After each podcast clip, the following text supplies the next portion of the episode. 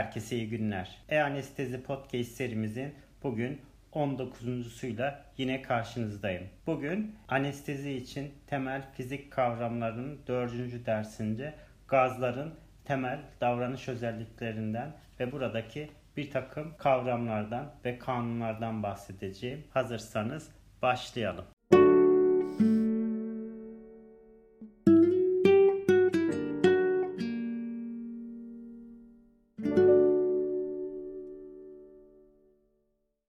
Herkese iyi günler. E-Anestezi Podcast serimizin bugün 19. dersinde gazlardan bahsedeceğim. Anestezi için fizik kavramlarına baktığımız zaman anestezide başarı için fizyoloji, fizik, kimya gibi kanunların iyi bilinmesi gerektiğini baştan söylemiştim. Burada maddenin kinetiğine baktığımız zaman herhangi bir maddede molekül hareketleri nedir? Sabittir. Molekül hareketlerinin bu özelliği maddenin kinetik teorisi olarak ne yapmıştık? Baştan anlatmıştık. Moleküller sıkıca bir arada olduğundan karşılıklı olarak bir takım çekim güçleriyle birbirlerini ne yaparlar? Etkilerler. Kapalı bir hacim içinden bir miktar gaz çıkarıldığında veya aynı gaz miktarı daha geniş bir kap içine konulduğunda birim hacimdeki gaz molekül sayısının azalmasıyla birlikte molekülleri çarpışma sayısı da azalacağında ne yapmış oluyor? Basınç düşmüş oluyor. Molekül sayısı ve büyüklüğü değişmeksizin basıncın düşmesi volümün artması anlamına gelir. Yani gazın molekül yoğunluğu azalmış oluyor. Evet, katı, sıvı gazların birbirinden ayrılan özelliklerine şöyle bir kısaca bakacak olursak yapıştırıcı güçler katılarda daha bağlayıcıdır. Sıvılarda bu yapıştırıcı güçler güçlüdür. Gazlarda ise yok denilecek düzeydedir. Hareket özgürlüğüne baktığımız zaman katılarda küçüktür, sıvılarda büyüktür, gazlarda tamdır. Moleküllerin yerleşimine baktığımız zaman katılarda değişmezken sıvılarda değişebilir, yine gazlarda değişebilir şeklinde özetlenebilir. Hareketliliğine baktığımız zaman katılarda sabit noktada sallanma gösterirken sıvılarda tüm yönlere, gazlarda ise tamamen rastlantısaldır. Şekile baktığımız zaman katılarda serttir, sıvılarda sürdürülemez, gazlarda ise saklanamaz şeklinde.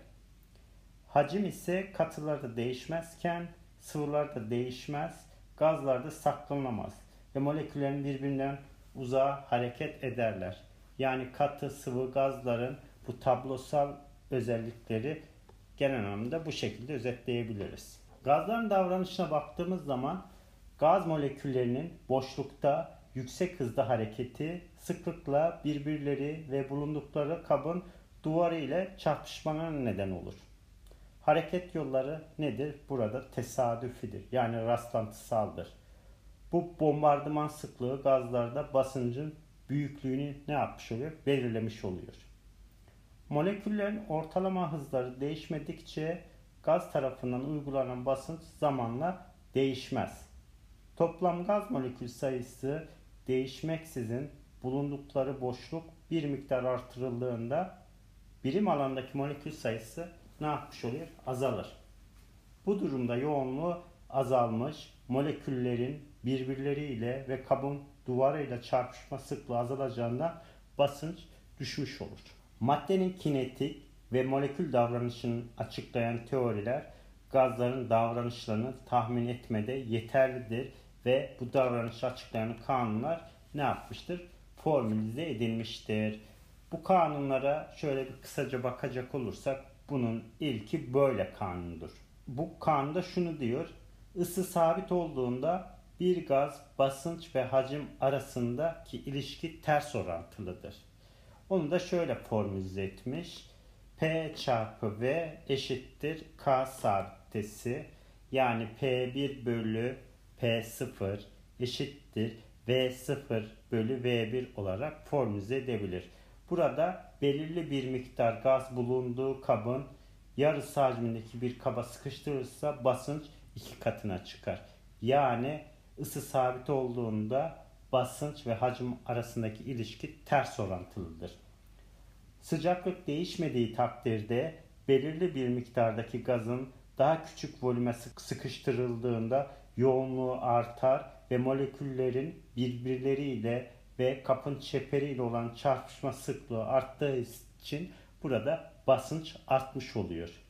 Tersine gazın kapladığı volüm genişlerse molekül yoğunluğu ve parçacıkların çarpışma sıklığı azalacağı için basınç düşer. Buna böyle kanun diyoruz. Ve burada basınç hacim grafiğine baktığımız zaman e, bir ters ilişki var ve bunların çarpımı yani P çarpı V eşittir K sabiti eşit olacaktır. İkinci teorimiz Carles'in teorisi. Burada bir madde ısıtıldığında moleküller hareket hızlarının artmasıyla birlikte gazlarda moleküller çarpışma sıklığının da artması sonucu bir genişleme eğilimi oluşur. Bir gazın miktardaki değişmeksizin basınç sabit olarak korunduğunda eşdeğer hacimdeki tüm gazlarda her bir derece ısı artışında eşit miktarlarda hacim artışı olarak gösterilmiştir ve bunu 1871 yılında Carles göstermiştir ve buna Carles'in teorisi diyoruz. Bu kanuna göre her bir derece ısı artışında hacim 1 bölü 273 miktarını artırılır ise basınç sabit olarak tutulmuş olur. Buna göre bir miktar gaz soğutulacak ve hacim azaltılacak olursa bu olay eksi 273 santigrat dereceye kadar devam etmiş olur. Bildiğimiz gibi eksi 273 santigrat derece mutlak ısıdır ve sıfır noktası olarak kabul edilmektedir.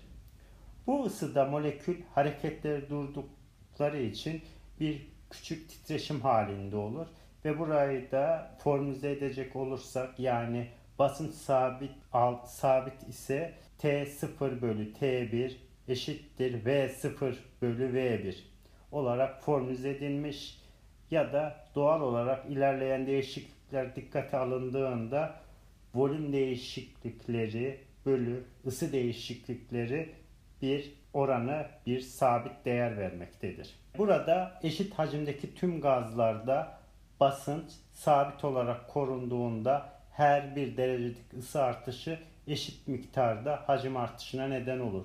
Yani 0 santigrat gazın hacmi 1 bölü 273 oranındadır. Ve burada dediğim gibi basınç sabit olduğunda T1 bölü T0 eşittir V1 bölü V0 olarak formüle edilir. Ve burada ısı 0 santigrat derecede 273 milim ise bu ısı 1 santigrat derecede olduğunda 274, 273 santigrat derece olduğunda da 576 olarak karşımıza çıkar ve hacim ile sıcaklık arasındaki ilişki bu şekilde formülize edilmiştir. Üçüncü kanunumuz ise Gay-Lussac kanunu. Bu 0 santigrat derecede sabit bir miktardaki gazın hacmi sabit tutularak ısıtıldığında basınç sabit bir miktarda ne yapmış olur? Artmış olur. Bu sabit değer her bir santigrat derece için 0 santigrat derecelik basıncın 1 bölü 273'üdür. Yine burada şekil olarak söyleyecek olursak ısı 0 santigrat derecede basınç 273 milimetre civa 1 santigrat derecede 274 milimetre civa 273 santigrat derecede ise 546 milimetre civa olarak ölçülmesi gibi.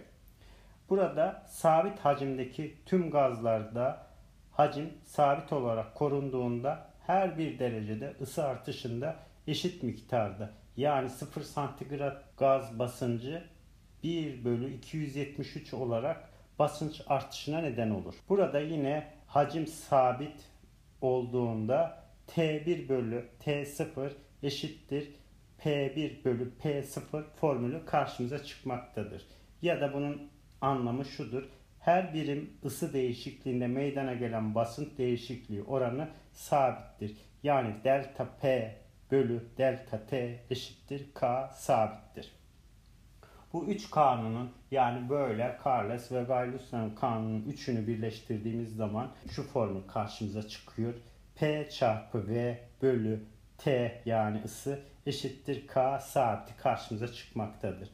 Yani basınçla hacim arasındaki ilişki, ters ilişki ve ısıyla bunlarda doğrusal ilişki vardır. Dördüncü kanunumuz ise Dalton kanunu. Burada bir karışımdaki gazların her bir basıncın diğerinden bağımsızdır ve bunların her birinin toplamı toplam sistemin basıncını vermektedir. Yani her bir gazın basıncı yani kısmi basınç olarak adlandırılır ve moleküllerin belirli koşullardaki tür özellikleri hesaba katılarak belirlenebilir bu. Gaz karışımının toplam basıncı ise mevcut tüm gazların kısmi basınçlarının toplamıdır. Yani bunları birbiriyle ilişkili olarak söyleyecek olursak örneğin oksijen basıncının toplamı, azot basıncının toplamı, karbondioksit basıncının toplamı gibi bunların her bir yani toplam P eşittir. Dersek P1 artı P2 artı P3 artı nokta nokta P kaç tane varsa Px'e kadar gitmektedir ve buna da Dalton kanunu diyoruz. Diğer bir kanunumuz ise gazlarda Henry'nin kanunu. Burada bir gazın sıvı içindeki çözünürlüğü, verilen ısı ve sıvının üzerindeki gazın kısmi basıncına bağlıdır. Bu kanun uçucu eriyen maddelerde buhar basıncı kanunu olarak ifade edilmektedir. Bir solüsyondaki uçucu eriyen maddelerin kısmi basıncı onun solüsyondaki konsantrasyon oranı ile ifade edilir. Çözeltinin üzerindeki çözünen moleküllerin kısmi basıncı çözeltideki çözünen moleküllerin konsantrasyonu ile doğru orantılıdır. Bu nedenle kanun çözünen ve çözücülerin kimyasal bileşimlerin ayarlamada kullanılmaktadır. Bu kanun oksijen, nitrojen, inert gazlarla uygulanabilir ancak karbondioksit için pek geçerli değildir. Örnek verecek olursak bir gaz eğer bir sıvının yüzeyine temas edecek şekilde yayılırsa gaz, gaz moleküllerinden bazıları yüzeyin içine işleyerek erimeye başlar. Başlangıçtaki birkaç gaz molekülü ileride sıvıdan ayrılır fakat daha büyük bir miktarda sıvıya geçebilir. Bu durum sıvının içindeki ve dışındaki gerilim dengeye gelene kadar ne yapar? Devam eder. Denge noktasındaki çözeltiye giren molekül sayısı ile çıkan molekül sayısı eşitlenmiş oluyor. İdeal gaz formülüne baktığımız zaman e, şu formül yani bütün bu formülleri birleştirdiğimiz zaman P çarpı V eşittir NRT. Yani bu formül P V NRT yani gazın basıncı çarpı gazın hacmi eşittir N molekül sayısı çarpı R sabit universal gaz sabiti çarpı T mutlak gaz sıcaklığı.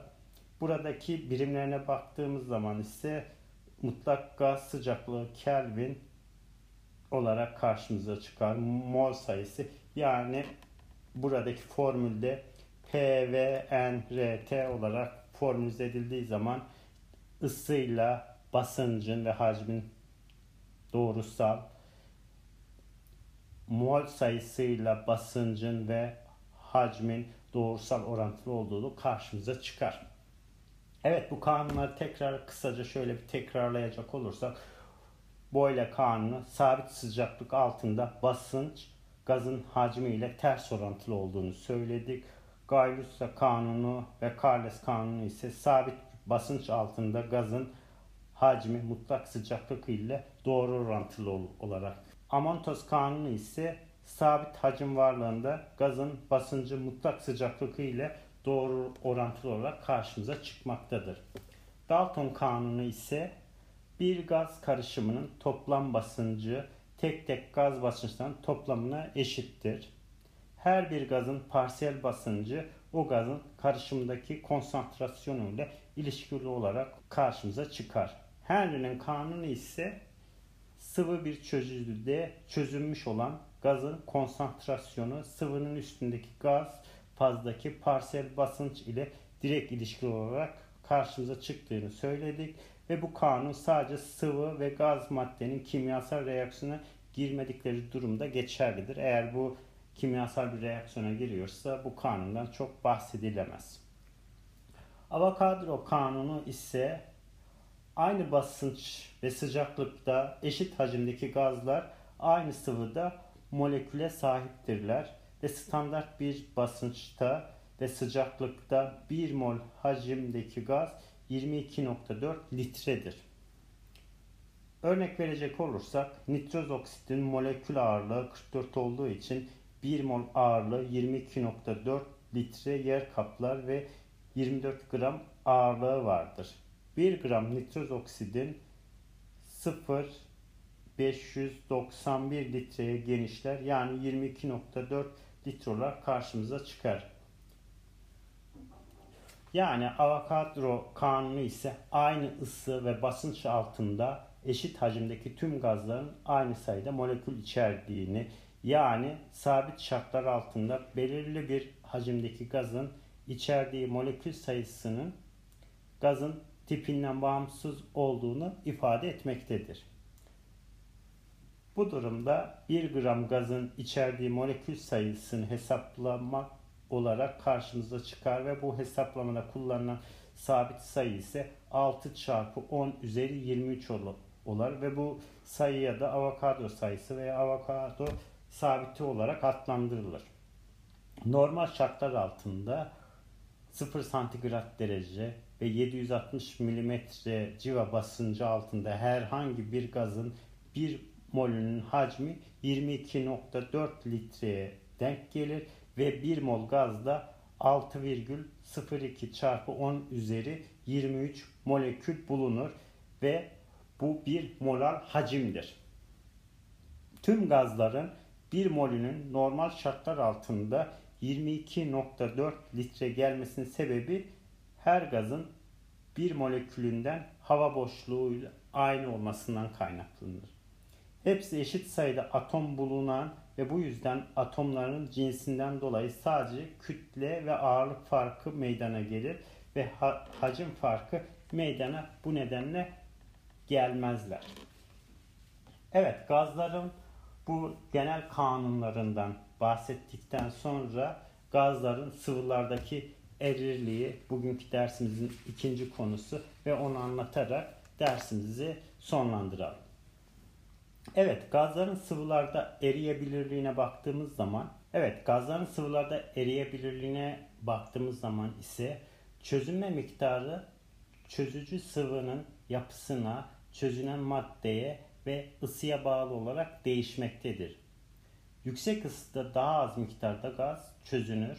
Sıvıda çözünen gazla sıvı yüzeyinde gaz halinde yayılan madde denge durumuna gelir ve bunlar eşitlenirler.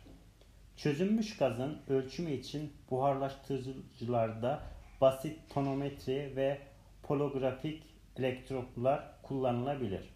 Evet, tek tek ajanlara ve çözünürlüklerine baktığımız zaman ise 38 santigrat derecede bir atmosfer basınçta 100 mililitre su içindeki çözünürlük değerleri oksijen için milimetre cinsi olarak 2.4, karbondioksit için 55, nitroz oksit için 0.41, etilen için 0,09, etil klorit için 0.25, vinil eter için 5.2, halotan için 0.74, enfloran 0.78 olarak her madde için böyle tek tek bir değerleri var. Ve 0 santigrat derecede bir atmosfer barometrik basınçta yani 760 mm civa basınçta oksijen çözünebilirliği 1 mililitre su içinde 0,049 mililitredir veya 1 desilitre ya da 4.9 mililitre olarak karşımıza çıkar. 20 santigrat derecede bir atmosfer basınçta yani 760 mm civa basınçta oksijen çözünebilirliği 1 mililitre su içinde 0,03 mililitre veya desilitre olarak 3 mililitreye karşılık gelmektedir. Yine 38 santigrat derecede 100 mililitre suda 2,28 mililitre oksijen çözünebilir. Böyle tek tek bütün e, hepsinin tek tek özellikleri hepsinin belirlenmiş ve karşımıza bu şekilde çıkmaktadır.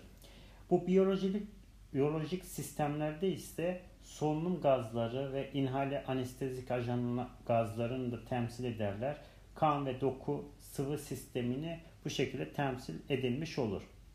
Kandaki çözülmüş oksijen miktarı gazın kısmi basıncı ve ısıya bağlı olarak değişebildiğini baştan söylemiştik. Vücut sıcaklığı 37 santigrat derecede düşük su buharı basıncında 1 mm kanda çözünen oksijen miktarı 0,023 mililitredir. Aslında oksijen plazmada nedir? Bu şekilde çözülmüş olur. Burada ise çözünürlük katsayısı karşımıza çıkmaktadır. Bu da bir gazın sıvıda çözünen kısmı çözünürlük katsayısı ile ifade edilir ve bu katsayıyı ise Bunsan çözünürlük katsayısı diyoruz. Standart durumlarda yani 0 santigrat derecede bir atmosfer basınçta bir birim hacimdeki sıvıda yani 760 mm civa kısmi basınçtaki gazın çözünen hacmi bir birim olarak kabul edilir. 0 santigrat derece veya 273 Kelvin'de ve bir atmosferik basınçta oksijenin kısmi basıncı 760 mm civa iken oksijenin sudaki Bunsen çözünürlük katsayısı 0,049'dur.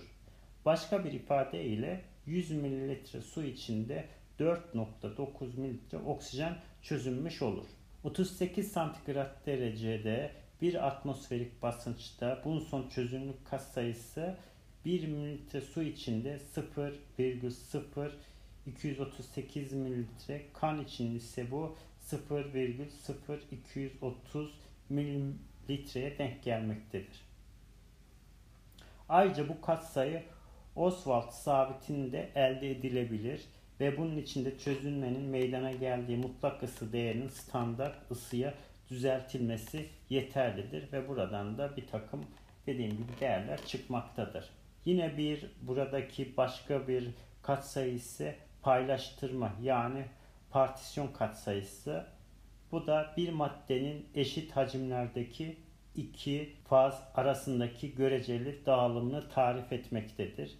Her bir fazdaki kısmi basınç eşit olduğunda fazlarda bulunan miktar dengelenmiş oluyor. Geleneksel anestezi pratiğinde ise bu katsayı doku, kan ile gaz fazı arasındaki dağılımını göstermektedir. Bu da kanda çözünebilirliğin anlamına gelir. Yani kan, gaz, paylaşım katsayısı dokudaki çözünebilirliğin anlamına gelir ve doku kan paylaştırma katsayısı olarak da ifade edilebilir.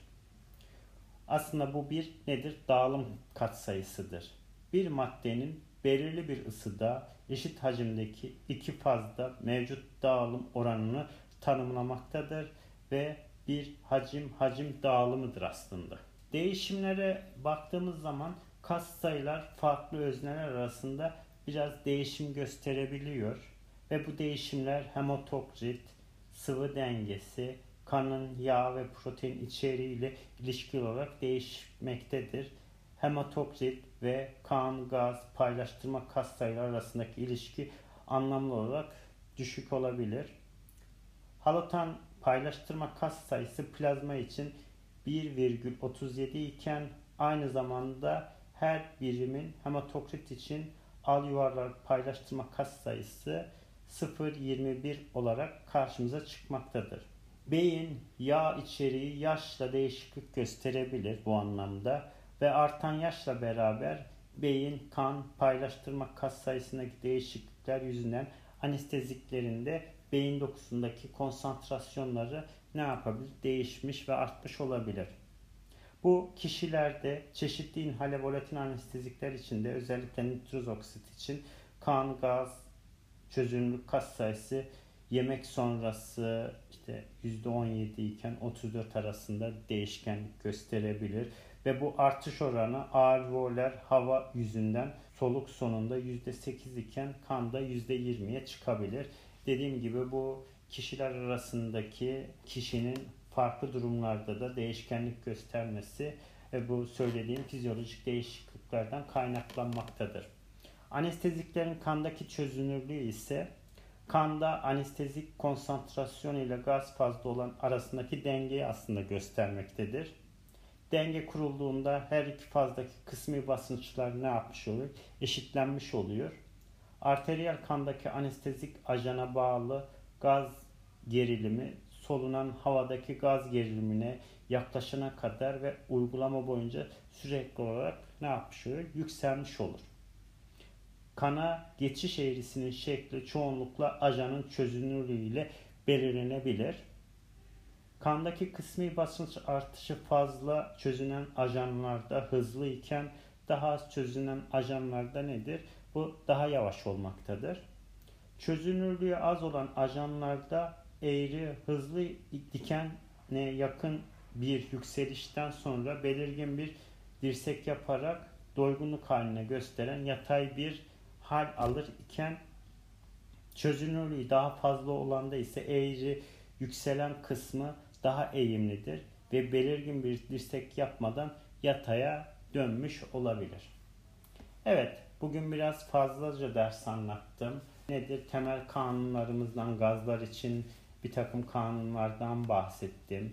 Boyle kanunundan, Carles'in, Karl Luckach, Henry, Dalton kanunlarından ve bunların nelere anlama geldiğini, ideal gaz formülü P ve NRT'den bahsettim. Avogadro kanunundan bahsettim ve gazların sıvılardaki erirliğinden bunun bizim için anestezideki inhaler daha sonraki derslerde anlatacağım. İnhaler anesteziklerin temelini anlamlandırmak için bu gazların sıvıdaki erirliğinden, çözünürlüğünden, çözünür kas sayısından bahsettim ve bunun kişiler arasındaki e, dokular arasındaki farklılıktan kaynaklanan paylaşım katsayısının ne anlama geldiğini ifade ettim. Evet, bugün anlatacaklarım kısaca bu kadar. Dinlediğiniz için teşekkür ediyorum.